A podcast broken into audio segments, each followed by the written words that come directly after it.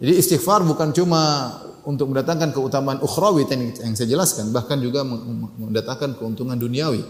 Makanya Nabi Nuh alaihissalam ketika mendakwahi kaumnya, Nabi Nuh menyebutkan tentang keutamaan istighfar. Ya, jadi Nabi Nuh mengatakan uh, apa namanya? Fakul tastaghfiru rabbakum innahu kana ghafara. Beristighfarlah kepada Rabb kalian sungguhnya Dia Maha Pengampun. Yursilis sama alaikum dirara. Maka Allah akan turunkan hujan yang lebat. Wa yamdidukum bi amwalin wa banin. Allah akan berikan kalian harta yang banyak. Allah akan berikan keturunan yang banyak. Ya. Wa ja'alakum jannatin wa ja'alakum anhara. Allah akan tumbuhkan kebun-kebun, Allah akan alirkan sungai-sungai. Lima. Lima kenikmatan duniawi yang Nabi Nuh janjikan kepada kaumnya kalau mereka beristighfar. Hujan yang deras, harta yang banyak, anak keturunan, kebun-kebun yang dibukakan oleh Allah Subhanahu wa taala, sungai-sungai yang mengalir. Makanya ketika ada orang datang kepada Sal Basri mengeluhkan tentang tidak punya anak, Sal Basri, astagfirullah, istighfarlah. Ada yang datang mengeluhkan kekeringan, kata Sal Basri, istighfarlah. Ada mengeluh kekurangan harta, kata Sal Basri, istighfarlah. Semua masalah istighfar. Dan itu benar. Semua masalah yang kita alami istighfar.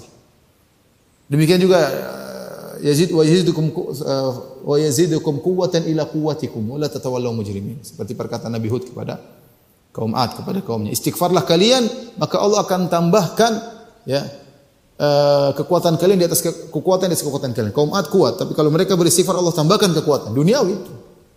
Yumatti'ukum mata'an hasanan Allah akan berikan kalian kehidupan yang menyenangkan kalau banyak beristighfar kepada Allah Subhanahu wa taala. Jadi istighfar mendatangkan uh, keuntungan duniawi bukan hanya keuntungan ukhrawi. Makanya ikhwan, ya bagaimana kita menghadapi masalah pun segera beristighfar. Lihatlah bagaimana Nabi Yunus alaihissalam ketika ditelan oleh ikan paus, ya, masuk dalam perut ikan paus. Fanada fi dhulumat.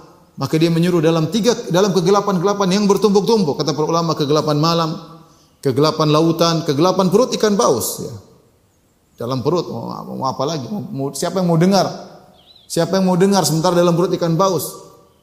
Ya, maka dia fanada fi dhulumat alla ilaha illa anta subhanaka inni kuntu minadh. Dia mengatakan tidak ada yang berhak disembah kecuali Engkau ya Allah. Maha suci Engkau inni kuntu minadh dhalimin. Aku termasuk orang-orang yang berbuat zalim. Yaitu dia mengakui dosa-dosanya. Maka Allah fakadzalika nunjil mu'minin Allah pun menyelamatkan beliau, menyelamatkan kaum mukminin ya dengan istighfar ya.